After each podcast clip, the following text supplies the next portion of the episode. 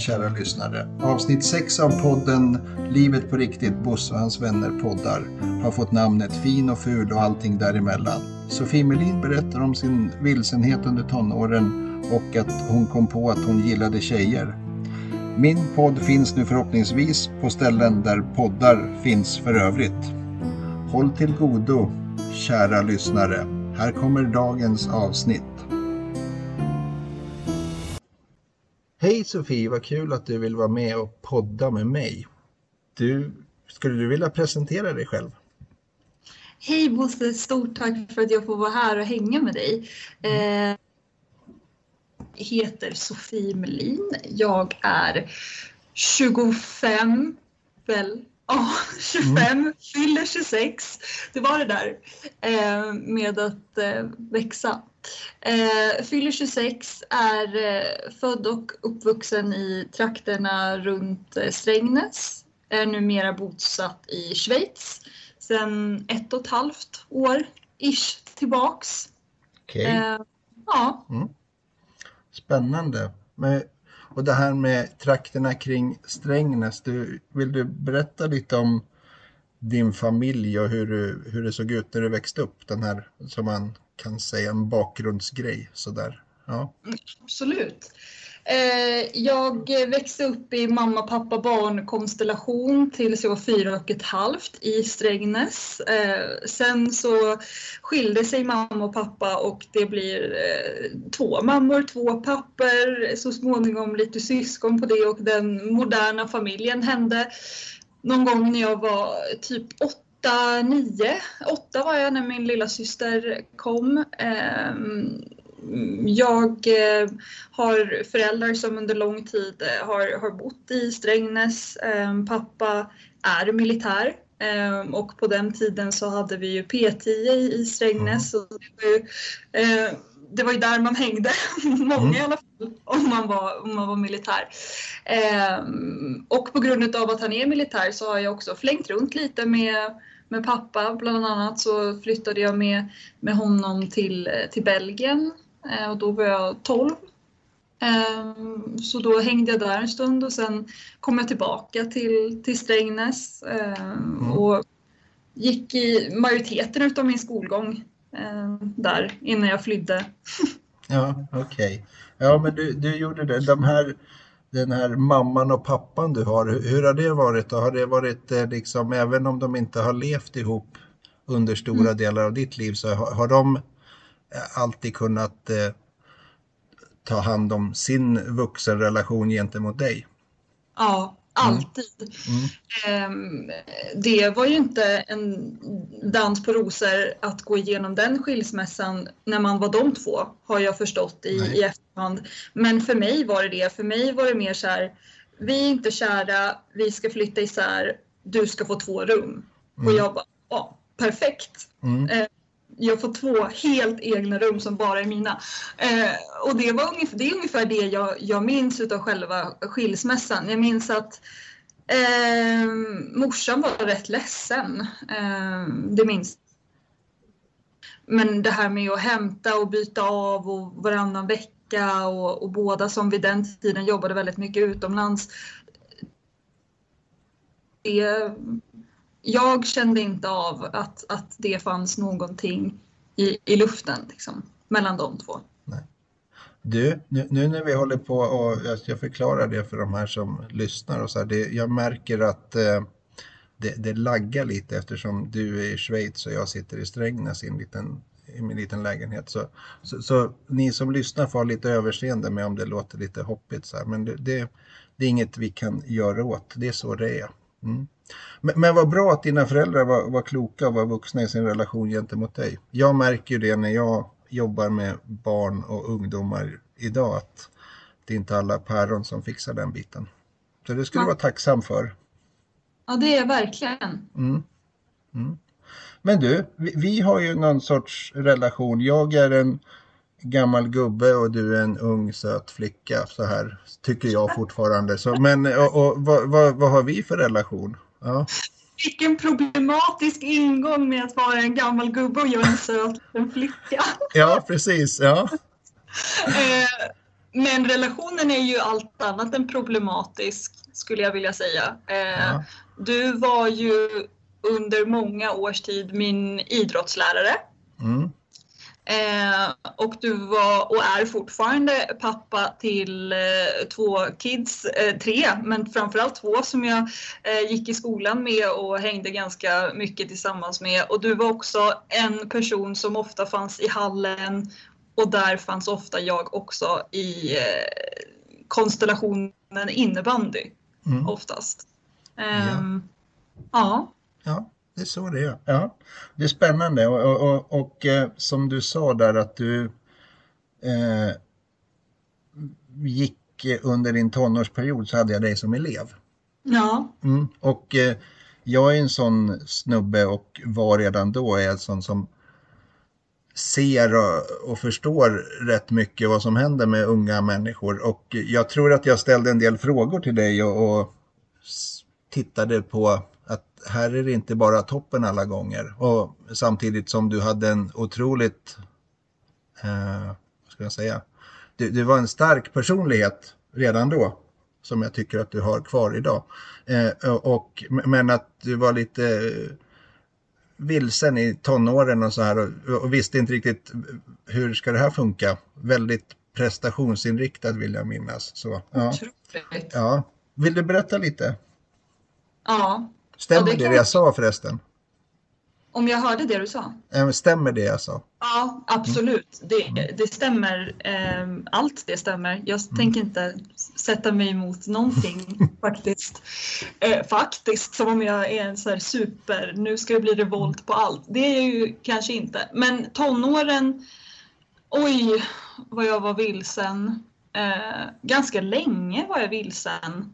Ehm, men, men det började ju i tonåren och, och jag ehm, minns ju inte tonåren som en, en mysig tid som jag vill eh, liksom omfamna och skriva en, en härlig berättelse om.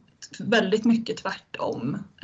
Ehm, jag, tonåren var hemska. Fy okay.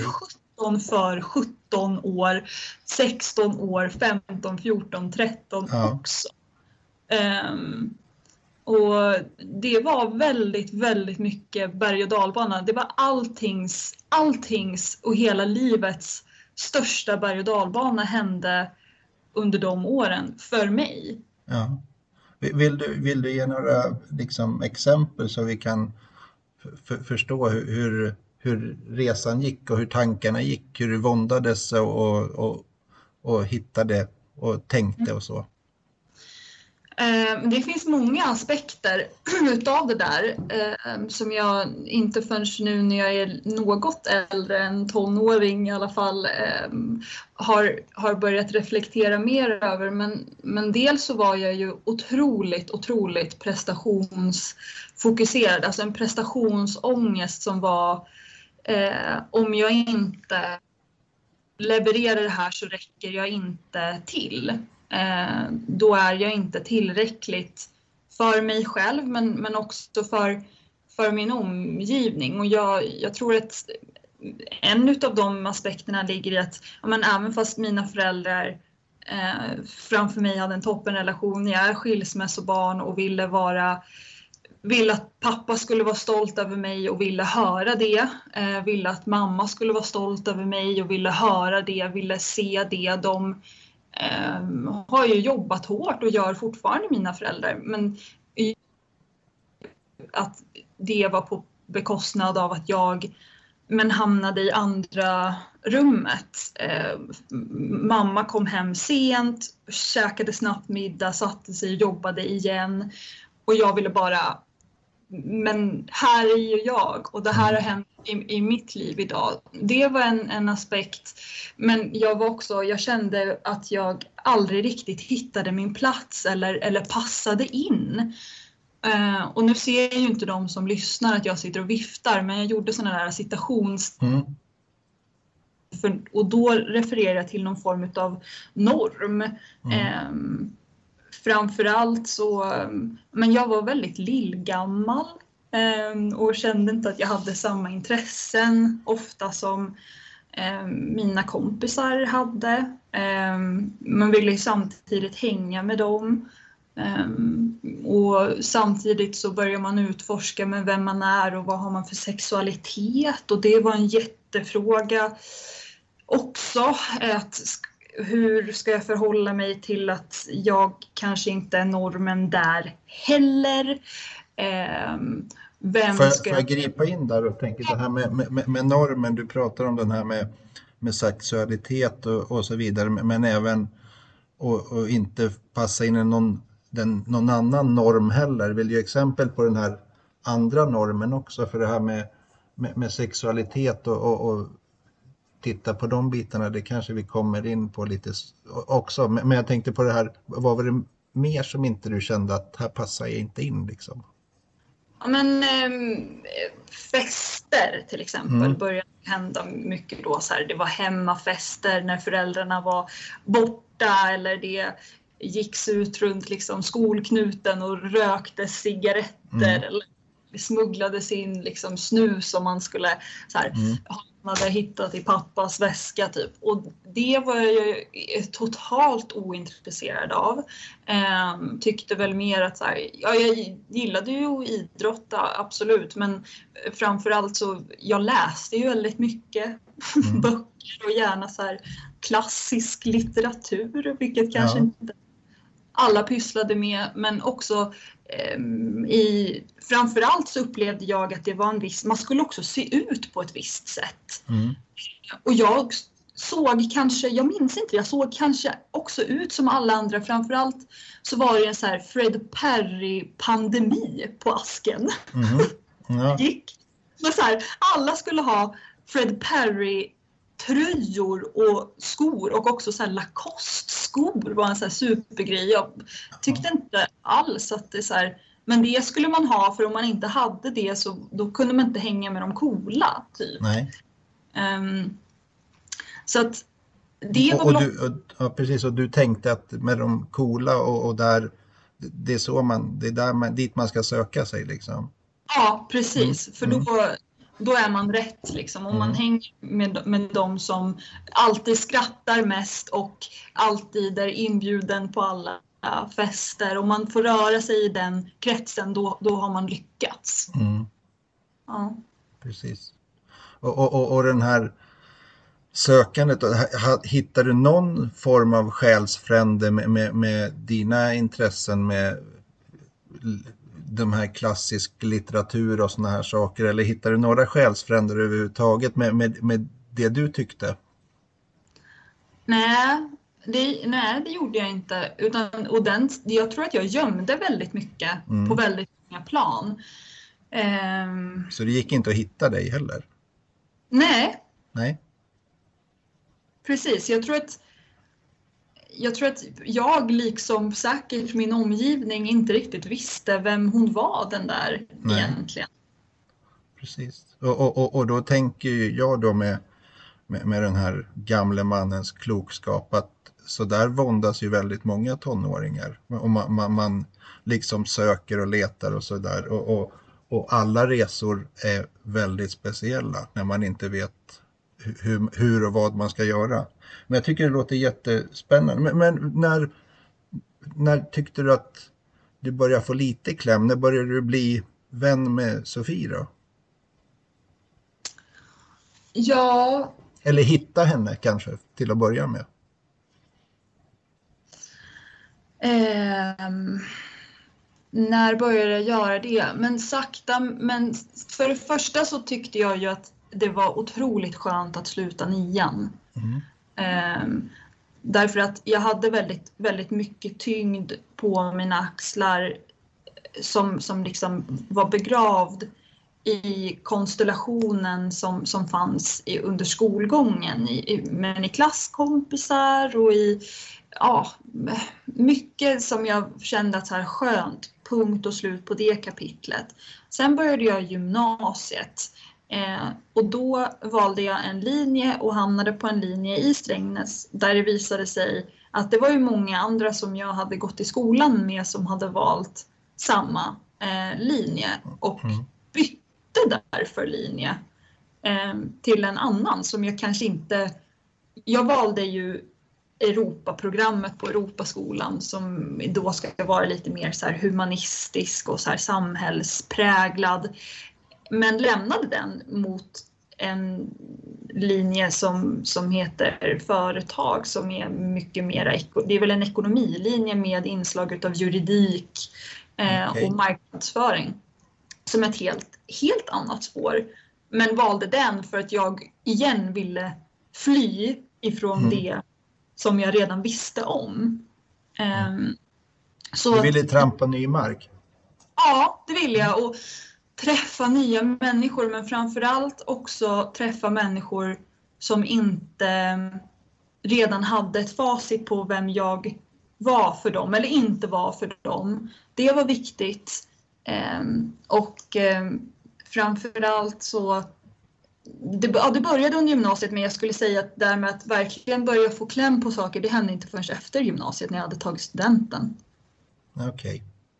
Men, men den där gymnasietiden då när, när du också sökte de här man säger, nya människorna i ditt liv och, och samtidigt så hade du ju dig själv att, att bära på. Hur, hur, hur, hur, gick det då? Det här med, med dig själv? Och, och, för jag vet att du har sagt till mig och, och, skrivit till mig här när vi har förberett det här att du har pratat om ett visst självskadebeteende och sådana här saker. Var, var det då eller var det, när var det?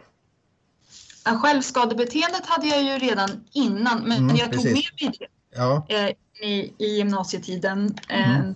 som en liten resväska liksom, som jag så här, mm. blev av med. Um, och framförallt så var jag ju ätstörd. Ja. Uh, och tampades väldigt mycket med, med det och egentligen inte ur perspektivet att se ut på ett visst sätt utan mer känslan av att det är, så, det är så dumt när man säger det men det var ju så att när man kände sig jätte jättehungrig så visste man att nu gör jag någonting som är dåligt för min kropp. Sen så blir man illamående för att man inte har ätit på så länge. Och sen till slut så lägger sig illamåendet. Det försvinner och då, det var det bästa. Därför då hade jag liksom klarat av och klättrat upp på liksom toppen. Mm. Um, och, och det, det, var det också, det var någonting du kon, kunde kontrollera? Nej. Nej.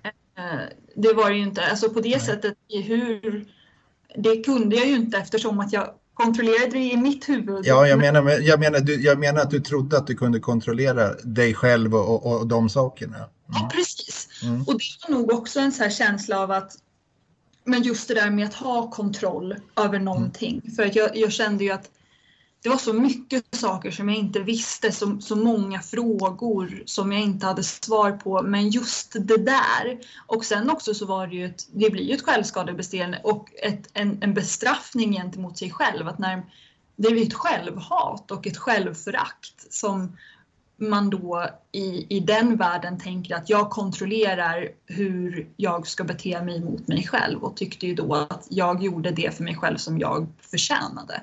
Mm. Och, och varför var, förtjänar du att inte må bra då? Tyckte du för, då? För jag känner mig så otroligt misslyckad.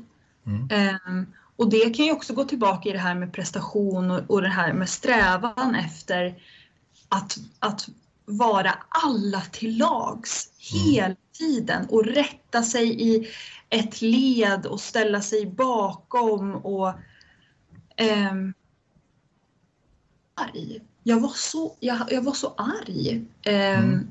den här perioden också. Inget temperament. Jag hade inte velat vara i samma rum som mig själv ofta nu så här i efter. Lite, ja. Var du lite läskig? Ja. Var du lite oberäknelig på, för? Eller ja. vis, visste man att du skulle bli arg också eller var det liksom, kom det liksom från ingenstans ibland eller? Nej men och jag tror att mycket, den, de som fick se ilskan, eller den, det gick nog mest ut över morsan faktiskt. Mm. Eh, jag var väldigt arg på henne Fast det var mycket annat, alltså det var ju inte henne jag var arg på. Men dels också för att Mm. du är aldrig här, du gör aldrig det, du lovar saker du inte håller. Bla bla. Men Mm. det var ju inte bara mamma. Jag var ju de, den största delen i det Mm. såklart. Men hon fick nog ta mycket. Mm. Men det är också en, en, en tydlig sån som man kan skälla och kräkas ur sig på. Det är också en sån man oftast älskar väldigt mycket. Ja, Mm. absolut. Mm. Så, så jag menar, där finns, och, och, och jag känner ju inte din mamma jätteväl. Jag vet ju vem det är och sådär och vi har korsat några vägar ibland. Men, men det, det som är att jag tror att hon står upp och eh, är där fortfarande för dig. Det, absolut. Mm. Och mamma och jag har ju inte haft en spikrak relation heller, men den relationen vi har idag är väldigt, väldigt stark och blev nog det. Mycket startade ju när, efter att jag faktiskt flyttade hemifrån, vilket jag gjorde ganska tidigt. Jag var 16. Mm. Mm. Och, och, och var flyttade du då någonstans? Då flyttade jag tillsammans, eh, flyttade tillsammans, flyttade ihop, flyttade tillsam, tillsammans med min dåvarande pojkvän. Mm. Och, och, och ni flyttade till en, alltså en lägenhet i Strängnäs eller så? Eller Ja, hur? ja, ja, Då flyttade vi till en, en tvåa på Hackspettsvägen. ja, Eh, flyttade vi dit. Mm. ja. Och, och spännande. Och, och, då kommer man ju, eller man, jag kommer osökt in på det du var inne på förut och det här med din normen i, i den här med sexualiteten och tanken på vem ska jag tycka om och hur ska jag tycka om folk och vad får jag tycka om och så vidare och, och så vidare och vem ska bry sig och så vidare som jag vet att du tampas med idag. Vill du berätta lite om det?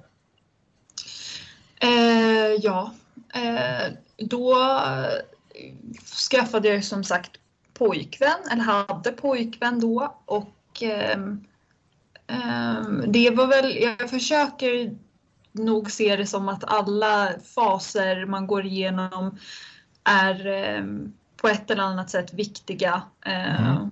Man gör väl val som man tänker är bra då. Samtidigt så tror jag att det var ingen, det jag vet med facit hand, att det var ingen bra relation och jag, ja men framförallt för att jag kunde ju inte och gav inte det som man kanske ska göra i en relation eller vara så närvarande man ska ha, vara i en relation med allt vad det innebär.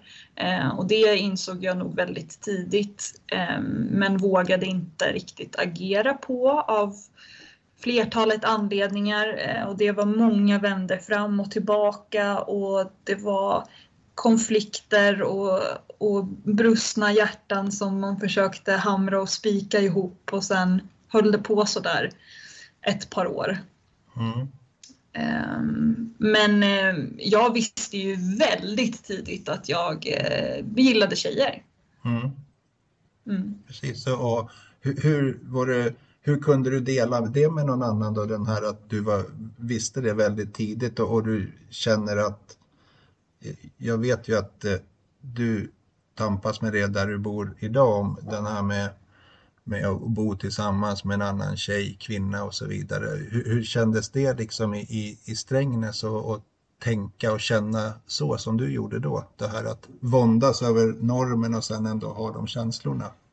Ja, eh, nej men mitt första så här, för, förhåll, att man är ju så liten. Men man, Ja. alltså man är ju verkligen så ung. Men för, för en själv så är ju det så stort och äkta. Mm. Det måste det ju få vara. Eh, men det var ju med en tjej och vi spelade i samma innebandylag. Eh, och vid den här tidpunkten var jag 14. Mm. Mm, Och eh, jag, hade, jag hade det inte tufft med att berätta för vänner och familj. Eh, berättade för mamma och var asledsen och bara grät och hade sån ångest. Och mamma panikade ju. Hon var så här, vad är det som har hänt? Mm. Eh, och jag var så här, "Ah, jag gillar tjejer. Och mamma var så här, ja, Mm. det vet jag. Men Mm. varför, vad är det som har hänt som gör att du är så ledsen? Ja, okej. Ja. Alltså, det var det som Mm. hade hänt. Eh, Ja. Men det vet jag ju. Jag hade ju eh, väldigt mycket killkompisar och hängde väldigt mycket med killar och tyckte att det var mycket enklare på många sätt Ja. eh, än att hänga med, med tjejer. Och, men, och, och mamma skriver så här, de tittar på dig med ögon som, som du inte liksom, besvarar. Eh, Ja. och det ser man när man är, är morsa. Ja. Ehm, men i Strängnäs så, ah, ja det, det, nej men det var väl eh, både och. Fram, det jag märkte väl inte jättemycket så här till mitt ansikte men det blir ju så när man är i en liten stad som Strängnäs så, så fick jag väl jag ofta höra på omvägar att så här, det pratades och Mm. tycktes och tänktes och det, det var jobbigare. Mm. Men- det, det måste ju ändå vara väldigt skönt att på, på något vis också bli bli trygg i den där med, med var man till exempel där med, med sin sexuella läggning och veta att det här dras jag till. Men en del våndas ju liksom väldigt länge med och inte vet var man hör hemma och, och, och vad som är okej. Och du hade det ändå, om man säger, nu gör jag också situationstecken, okejat för din närmsta omgivning. Absolut. Mm, precis. Så, så den kampen behövde du inte strida för där. Nej. Nej. Vilket var ganska skönt. Men, men dig själv då? Hur var den inre kampen där? Och ty, tyckte du att det, det passade inte in eller var du trygg med det redan från början? Men det var nog inte en jätte... Ja, men i början så funderade jag mycket på om det verkligen om det verkligen stämde det Mm. jag kände. Mm. Eh, och hur vet man vad det är man känner Mm. och hur avgör man det? Och där, av den anledningen så var ju den här relationen med den killen jag var tillsammans med bra fast det ändå inte var bra. Men det var bra för mig i att verkligen Okej, det här är ju inte bra och det här vill ju inte du. Eh, ska därför heller inte göra. Eh, inte emot dig själv men inte heller emot honom. Nej, Eh, som älskar och vill. Eh, och jag inte gav det tillbaka för det är ju jättefel emot en annan människa också. Ehm, men just sexualiteten, det var, det var inte en jättestor kamp. Det var jobbigare när jag hade det här första förhållandet med en tjej därför att hon våndades väldigt mycket. Ja, okej. Och eh, jag fick inte berätta att vi var ett par och jag fick inte visa och det skulle vara hemligt och det och det var, det var tuffare för det kändes ju nästan som att det kändes ju som otrohet nästan för att man gick bakom ryggen på sig själv. Mm. Vilken, vilken vånda när det egentligen bara ska vara och, och ursäkta men det ska liksom bara vara tuta och köra liksom. Vi, vi tycker om varandra. Ja. Mm. Ja. Mm. Men, men det här då när uppbrottet efter den här killen och så här, vad pysslade du med då? Du, gick, du hade, skulle ta studenten och ni bodde du ihop med, med honom då? Ja, det gjorde jag. Mm. Eh, studenten så gjorde jag det och sen ganska strax därpå så, så tog det slut. Eh, Mm. Ja. Och, och, och vad gjorde du då med, med di- ditt liv, det här som inte har med de här, vad, vad pysslar du med? Vad jobbar du med? Och hade du jobb eller hur tänk, vad, vad, vad gjorde du? Lite runt omkring sådär. Eh, jag pluggade eh, på distans. Läste jag, läste jag in, gjorde jag väl egentligen inte, men läste till eh, kurser som jag inte hade läst på gymnasiet, typ kemi och fysik och sånt där för att då så skulle jag bli läkare tänkte jag. Eh, ja, eller så tänkte folk det åt mig. Jag vet inte riktigt, men det var jag inne på då, så då läste jag det. Samtidigt så jobbade jag. ehm, under en period så jobbade jag som marknadskommunikatör eh, på ett företag i Eskilstuna. Eh, och därefter så jobbade jag på Asken som lärarvikarie. Och då var vi kollegor. Ja, då var vi kollegor. Ja. Då fick man sitta i det förbjudna lärarrummet. Där. Och vilken grej det blev när det bankar små knoddar på dörren och vill ja. hämta något eller fråga något och så, stå, och så är man själv där som öppnar dörren. Mm. Och tittar ner på sig själv i annan form. Ja men precis. Ja men det var spännande att ha dig som kollega med, med ett perspektiv och, och titta på dig som en, en ung kvinna jämfört med en eh, tonårstjej som var väldigt spännande att kunna se kontrasterna i hur du var och en trygghet i dig själv redan som hade uppkommit på de där åren mellan högstadietiden och tills du kom tillbaks till asken och var vikarie. Ja. Tyckte jag. Mm. Ja, verkligen. Mm. Um, alltså Kände, det... Kunde du känna så själv då eller kan du se det nu? Ja, och jag älskade ju den tiden. Mm. Eh, som jag fick, fick vara tillbaka i skolan men i en helt annan konstellation. Ehm, jag tyckte att det var så himla fint att få följa alla de här eh, små individerna som är i, där man själv har varit och för mig då inte jättelänge sedan ändå.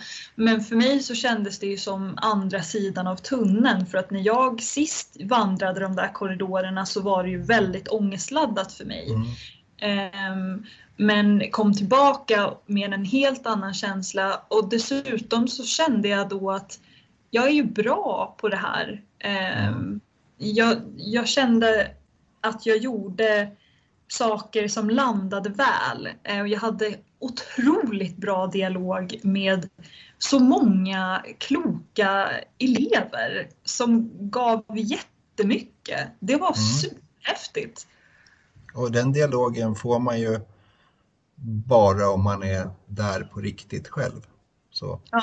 mm, det kan, kan jag vittna om. Men, men, men där då när du var du gjorde väldigt mycket fina saker som musiklärare och var fantastiskt uppskattad vet jag. För jag har inside information på det. ja, och, och, jag hade dig som kollega som sagt och det var jättehärligt, eh, tycker jag. Vi, vi, ja, det, det, var roligt. Men sen då, efter det, vad hände då? Sen efter det eh, så flyttade jag till Jönköping. Mm. Varför hamnar man där då, i bibelbältet? Ja, precis. Mm. Så jag menar, nu, jag, inga så, det var bara att det kallas så. Jag har inga fördomar mot Jönköping. Jag tycker Jönköping är jättehärligt. Så, ja, bara för att vara tydlig. Ja. Mm. ja men det är ju det, jag vet ju det. Det, mm. det kallade, vad kallas för Sveriges Jerusalem eller något mm. sånt där. Jag Precis, ja. Eh, jag hamnade där för att eh, jag blev kär som hade sina rötter i en pytteliten by eh, utanför Jönköping men, men bodde då i Jönköping. Så att jag, jag flyttade ner dit 30 mil söderut. Mm. Spännande. Och, och, det var kärleken som drog dig dit då? Ja, det var det. Mm. Och, och, och, då, den var liksom, då, var det kärlek, kärlek och det var liksom inga tankar på att nej men nu är jag kär. Och det, det var bara så. Det bara var så. Mm, precis, ja. Det, och mm. det var inga så här, eh, så, att, så där som du hade när du var tillsammans med den där killen. Då var det inga sådana tankar. Utan det var bara, nu, nu är jag, du, det där var, det var du. På riktigt. Ja, precis. Ja, mm, ja. Så, ja, men, ja, men precis. Vad va skönt. Ja. Ja. Absolut. Men, men med den kärleken är ju inte nu. Nej, det Nej. är den inte. Nej. Och vad gjorde du i Jönköping då? Så, som, hade du någon profession? Ja, mm. hade en profession. Eh, jag jobbade, först så jobbade jag, och det, gjorde, det nämnde jag ju inte, jag jobbade under en period också där i samma veva som jag hoppade. Jag var marknadskommunikatör, sen var jag i skolan. Men innan jag var i skolan så jobbade jag på Mälarsjukhuset på en slutenvårdsavdelning. Mm. Eh, eh, psykiatri. Eh, och under gymnasiet så jobbade jag som vårdbiträde på äldreboende, äldreboenden. Mm. Eh, och det var så jag fick ett jobb först i Jönköping för att det är ju inte okänt att det behövs mer folk inom vården i Sverige. Nej, precis. Ehm, Så då, då hamnade jag först på, på ett äldreboende eh, under en period och sen så vart det en liten omkonstellation där eh, och jag blev erbjuden en annan tjänst som jag inte ville ha. Sökte jag lite andra jobb och hamnade av en slump på ett rekryteringsföretag. Okej. Så, Ja. Spännande. Men, men sen så tog det slut med, med den kvinnan, tjejen du levde ihop med där. Hon Ja. från den lilla byn. Mm. Hon från lilla... Ja, det gjorde det. Ehm, det tog slut och ehm, det, det var det, ehm, fina glitterstunder ifrån den relationen men också väldigt mycket, eh, mycket jobbigt. Det var också en väldigt eh, men det, det var en tung relation också samtidigt. Dels för men var vart man var själv men, men också på grund av att hon eh, under, den här förhåll, under det förhållandet genomgick en, en utredning eh, med eh, men en ADHD-utredning och en utredning för eh, borderline och så här neuropsykiatriska eh, funktionsnedsättningar. Mm. Eller funktionsvariationer kanske man Precis. Ja, så, ja, så säger man ju idag. Mm. Så säger man idag. Eh, så det ska vi såklart rätta oss efter, eller jag. Eh, det, och, och hon mådde väldigt dåligt eh, Mm.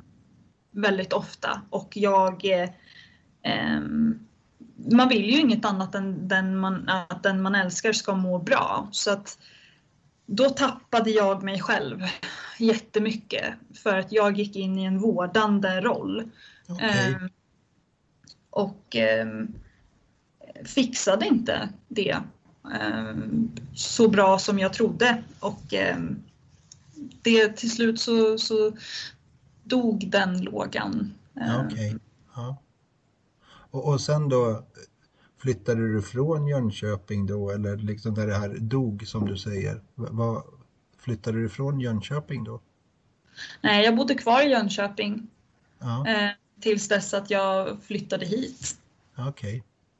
Och, och hit då som, om vi bara påminner, det är Schweiz. Ja. Så, och, jättespännande. Och, och varför Schweiz för? för Eh, för att eh, när eh, jag hade den här killen ja, på Hedenhöstiden ja, okej. i mitt eget huvud när jag Ja. var någon annan. Då så, han spelade också innebandy. Det gjorde ju majoriteten utav människorna som jag eh, hade runt omkring mig. Eh, och eh, därför spenderade jag väldigt mycket tid eh, på den orten där han då spelade innebandy. Och det gjorde även fröken Schweiz som jag nu bor tillsammans med. Hon, hon spelade då i, i Kais Mora eh, i Ja. SSL och eh, jag hängde mycket i hallen och eh, redan då så såg jag henne, den där. Mm.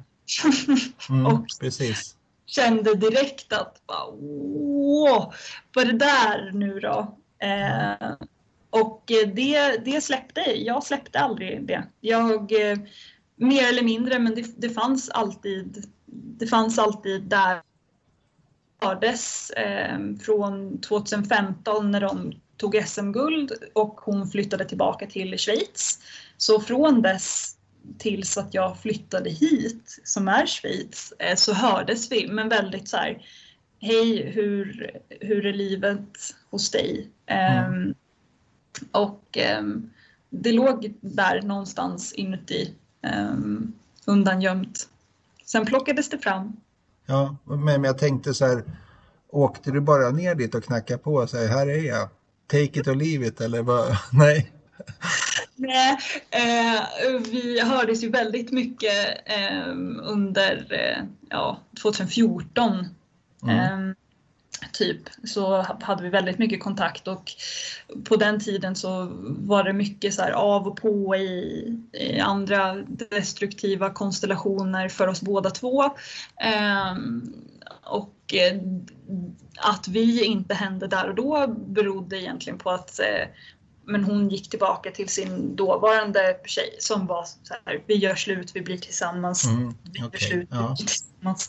Eh, och eh, jag fick liksom där sen plåstra ihop mig själv för jag blev ledsen och kände väl att det jag kände inte kändes tillbaka och det var en jobbig eh, grej. Det är det väl när känslor inte riktigt besvaras. Eh, sen kanske det inte berodde så mycket på det, men vi, det grävdes inte så mycket i det. Så i alla fall, sen så, så knackade väl hon på en, en digital dörr ja. och eh, sa att eh, hej, här är jag. Eh, jag vill ses, jag vill träffa dig. Eh, mm. och, eh, och där så var jag så här, jag vill inte, nu är jag jag är inte på en bra plats nu för jag är nerbruten. Eh, jag måste bygga upp och tänk om inte och tänk om jag blir sårad igen och tänk om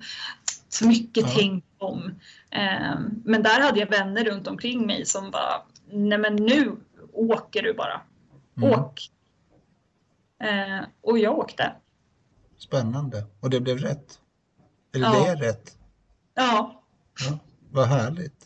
Jag, jag vet att eh, eftersom jag följer dig lite på distans på sociala medier och sådär så vet jag att du är en stridbar ung kvinna. Som, därför, om man då tänker att man kan våndas och tycka och tänka om den här eh, kärleken till en annan kvinna, tjej i ditt fall då, att den, den är rätt naturlig ändå i, i, i Sverige mm. i, jämförelsevis med, med, där du lever nu. Hur, mm. hur, går den, eh, hur går det livet i där du lever nu?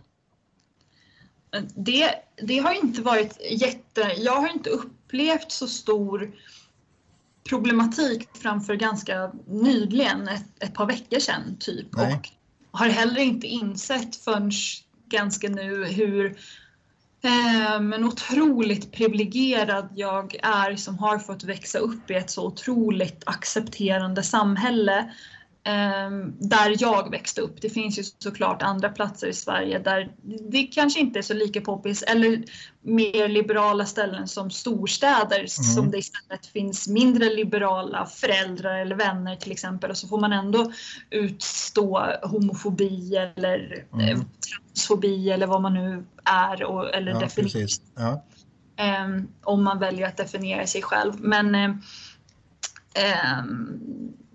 det, skillnaden är väl här att folk vänder sig om lite mer och kollar. Mm. Och, eh, och, men det har inte stört mig så mycket. Jag känner mig just nu otroligt trygg i mig själv och vad jag är, vem jag är eh, i förhållande till vad jag tidigare har gjort. Eh, men eh, jag vet att, att men min flickvän hade en mycket tuffare period när hon berättade för, för framförallt sin familj. Hon blev ju under en period totalt utesluten och inte välkommen hem. Oj, hoppsan. Ja. Um, har... på, på, på, vilka grunder då? Någon sorts eh, eh, normen i landet eller var det någon religion som sa någonting eller hur, hur var det där då? För att jag vet att det är väldigt mycket religion som styr och ställer i, i där du lever nu. Ja, det är ju väldigt katolskt. Mm, precis. Eh, och eh, eh, hon är uppvuxen i en, i en katolsk familj, framförallt från sin mammas sida och har en mamma som är engagerad i den katolska kyrkan. Mm. Um, och eh, det, hon, min tjej har också mycket tatueringar, två armar som är helt tatuerade och eh, eh, har alltid klätt sig med men, kläder som hon känner sig trygg i som kanske inte alla tjejer, kvinnor, kanske inte är det som vi känner som stereotypt feminint med höga skor eller kjol eller klänning som inte alla kvinnor såklart vill bära men som man ändå definierar åt det hållet. Hon har aldrig velat bära det eh, och har istället liksom gått mot en, en hårdare approach. Mm. Ehm, och det var absolut inte okej. Okay. Framförallt tatueringarna var absolut inte okej. Okay. Men, men det absolut största låg ju såklart i att hon eh, älskade en person från samma, samma kön och det är ju inte ett val. Nej, precis. Nej, men det väljer man ju inte. Nej. Man väljer ju inte det, fast det blev väldigt mycket så. Jag har ju fått höra hela hennes berättelse och eh, det, det är svårt för, för mig att förstå hur, hur man som förälder kan, kan säga till sitt eget barn att du inte du är inte välkommen ditt hus är inte längre ditt hus. Eh, du, du, du, inte, du får inte komma in. Mm. Det, det tog mig väldigt hårt men, men det var ju många år sedan. Hon är så här, ja, men det har hänt mycket från det till det. Även fast jag har insett att ja, fast det, det pikas ju fortfarande ifrån familjen och det, det är nog fortfarande inte ens så här om jag tror inte att det skulle bli superuppskattat till exempel om vi skulle säga så här, nej men nu är vi gravida. Um, okay. Eller nu, vi vill gifta oss. Jag, jag, tror fortfarande att det skulle bli motstånd mm. men framförallt då, det som hände för ett par veckor sedan hade vi en vän som är min flickväns vän från början. Han var hemma hos oss och um, där mitt i en dialog så kom vi in på um, men kvinnors rättigheter här eh, mm. och eh, homosexuellas rättigheter eller snarare icke-rättigheter. Mm. Och, och, och, det... liksom, är det liksom ställt liksom bredvid? Eller, mm. eller resonerar man inte kring det överhuvudtaget? Nej men så här, till exempel då, jag, jag skrev ett jätteargt inlägg om det här. Men, men för de som lyssnar som inte har hört det, som till exempel så här då, i Sverige så, så kunde man registrera samkönat partnerskap 1995. Mm. Och samkönat äktenskap legaliserades 2009. Um, och här är samkönat äktenskap fortfarande inte legaliserat. Uh, och i Sverige så fick kvinnor rösträtt 1919 och här 1971. Mm. Det, det släpar betänkligt. Ja, det kan man mm. säga. Det är den där ja, precis. Och, ja. som man liksom inte vill släpa på, den släpas på ja, här. Precis. Och, och, och eh, eh hur resonerar man? För det är ett väldigt, eh, vad ska man säga, konservativt land i, i det avseendet i och med att de, de är aldrig med i, i, i några sådana här konstellationer och handelsavtal. De ska ställa sig bredvid allting rätt ofta. Om man generaliserar lite kring Schweiz. Så. Ja, precis, och man, mm. man kan skoja och säga så här, jag är Schweiz, jag har ingen åsikt. Typ. Nej. Eller jag är Schweiz, jag är neutral. Ja. Um, men det finns väldigt mycket åsikter här som inte ja. är så neutrala. Men eh, de är på insidan och då eh, men till exempel så här föräldraledighet. Men här har kvinnor betalt tre månader eh, ja. efter att man har, har fått ett, ett barn. Eh, innan man, man då förväntas att betalt och försörjas av vanligtvis sin man då. Ja. Um, Pappadagar, det var en dag fram tills eh, i år, 2021, när det blev två veckor. Oj, ja. spännande med hur, hur man tänker och resonerar. Men det är väl också den här att man inte öppnar upp för, för andra tankar också. Och sen vet jag ju också att när man har stora landsomfattande tankar i, i Schweiz, då, då ska man rösta och då är det ett väldigt konservativt tänk som råder så då blir det oftast som det har varit i alla fall. Ja. Mm. Hur, hur, kan man påverka och vill du påverka eller hur, hur tänker du göra? Ja, men absolut vill jag påverka och vi, vi hamnade ju som sagt i en, en, en diskussion och, och diskussion och debatt behövs ju för mm. att det ska ske en förändring. Eh, och mycket förändring har ju skett på grund av att någon eller några har ställt sig upp och varit fly förbannade. hur, hur, hur, är debattklimatet i Schweiz nu då? Med, med sådana här frågor till exempel? Nej, men det finns ju, det finns ju vänster, vänstervindar eh, mm. också, men, men inte lika stora. Och, och framförallt så jag chockades ju väldigt mycket över att den här vännen som var här hemma, han är ju ett år yngre än vad jag är, det vill säga mm. född 1996 och 25 år gammal. Eh, och jag kan ha mer överseende av att en gammal generation eller en äldre generation har vissa åsikter för att det är så, så präglat av mm. konservatism och eh, patriarkat och, och så vidare och så vidare. Men, men jag har aldrig riktigt upplevt det där från, från någon som, som är i min egen ålder och, och han han uttryckte ju väldigt starkt att så här, men vi, ni får vara här ifall ni tänker rätta er i ett led och, och gömma eh, er liksom sexualitet. Men, men annars så, så, ni är ju inte normala. Det är inte normalt. Nej, okay. det, och det köper inte jag. Nej, nej, men, nej, men det kan ju jag förstå för jag menar det, eh, det känns väldigt konstigt att få höra sånt kan jag tänka mig. Och framförallt när man aldrig har hört det innan. Jag, jag hör aldrig, jag har ju varit så förskonad ifrån den typen av resonemang och att folk på gatan eller folk som jag inte har i min närhet har de här typen av åsikter. Det bekommer mig inte. Um, men, men jag förväntar mig av min nära familj och mina vänner att de ska acceptera och respektera det jag är. Mm. Eh, men det gjorde inte han så det kändes som ett stort intrång. Eh, framförallt för att det var hemma hos oss. Mm. ja, men, ja, och att han klampar in och gör sådana klavertramp liksom hemma på, på eran mark liksom, och tror att han har mandat att göra det. Och det var också ganska osmart att säga då till ett lesbiskt par att ni som kvinnor ska inte ha åsikter och rättigheter som jag som man och ni som homosexuella Nej, men ni ska inte få gifta er i kyrkan för ni har inget där att göra. För att Nej. inför Gud så ska det dabba dabba da. Ja. Och jag kände bara, det här är ju, det här är ju så, så uråldrigt. Mm. Um, så, så det, finns en, det finns en liten kamp att, att föra där nere om man vill. Och, och då kommer jag in på det här så, som du berättade för mig innan här om att du inte hade någon riktig tonårsrevolt. Och, och då frågar du dig själv att är det den som kommer nu eller? Ja.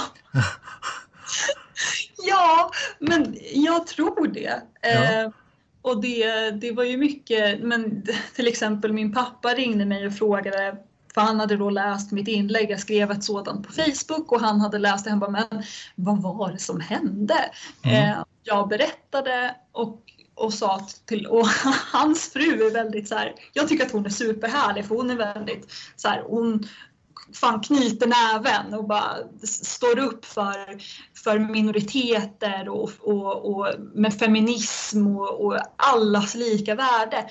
Mm. Eh, pappa är ju, gör ju det men lite betydligt mer nedtonat och är också superdiplomatisk min pappa. Ja, okay. eh, och hon bara, men smällde du inte till honom? Skickar du inte ut honom?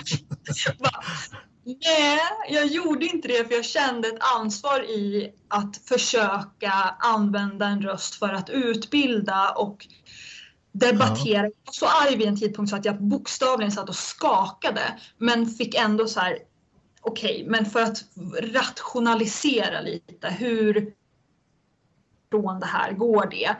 Och, och så nej, jag slängde inte ut honom, jag smällde inte till honom och hon bara så här, fan du skulle smällt till. eh, Medan pappa då så här, jag är förvånad Sofia över att du inte smällde till eller skickade ut honom. Men jag kanske inte känner dig så väl. Och jag och pappa har ju ett stort, stort gap i vår relation. Ja. Många år som vi inte alls eh, var många olika anledningar men, men har hittat det framförallt efter att min, min eh, världens bästa farmor tyvärr eh, gick bort för inte så länge sedan men efter det så i den sorgen så hittade vi väldigt mycket varandra. Eh, ja. Det var ändå härligt. Hans bild av mig var ju kanske det här arga eh, som man, om man ska gå tillbaka väldigt många år. Mm. Eh, så, så, så kanske jag då skulle ha löst situationen om jag var genom att skrika och gapa. Typ. Mm. Men, för, eh, för, för det, det, minns jag vissa tillfällen med dig om jag ska hoppa tillbaks till någon tonårsperiod. Det var, det var, eh, jag ska inte säga att det var mycket, men det var dramatiskt ibland. Det var gråt och det var ilska. Det var liksom, det var tydliga känslor. Ja.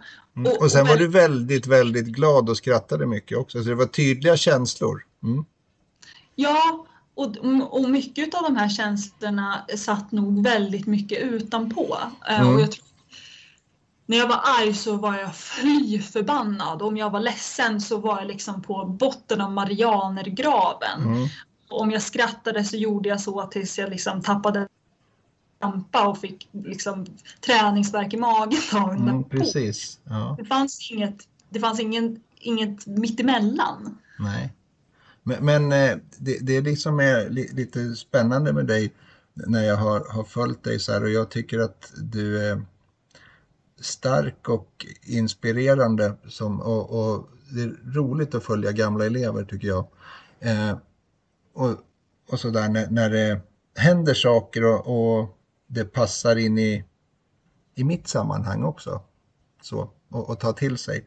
Det, det, här, när du lever nu i, i Schweiz, hur, hur är du, eh, vad, vad, gör du nu? Liksom så.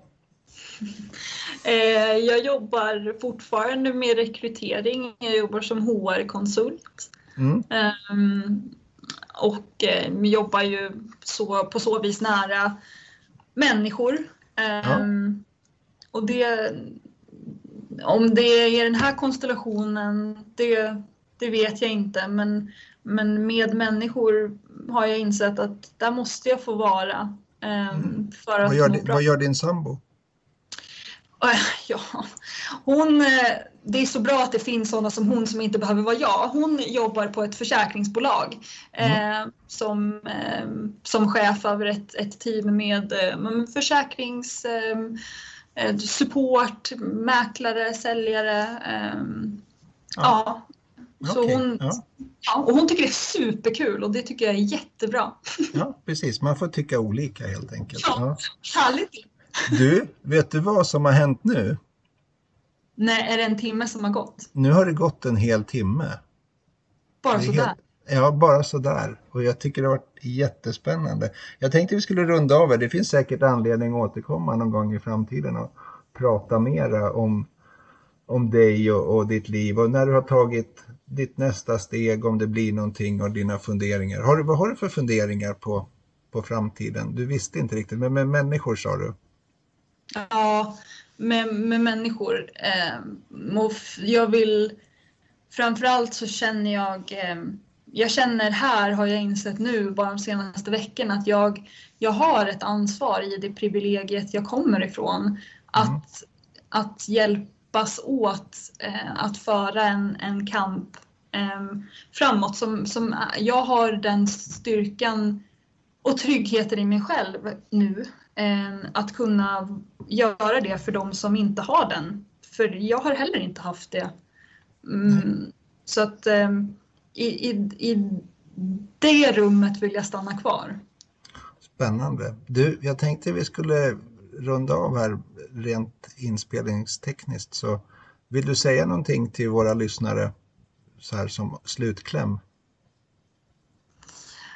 Det bästa har inte hänt än. Det låter väldigt bra. Tack så mycket Sofie. Tusen tack.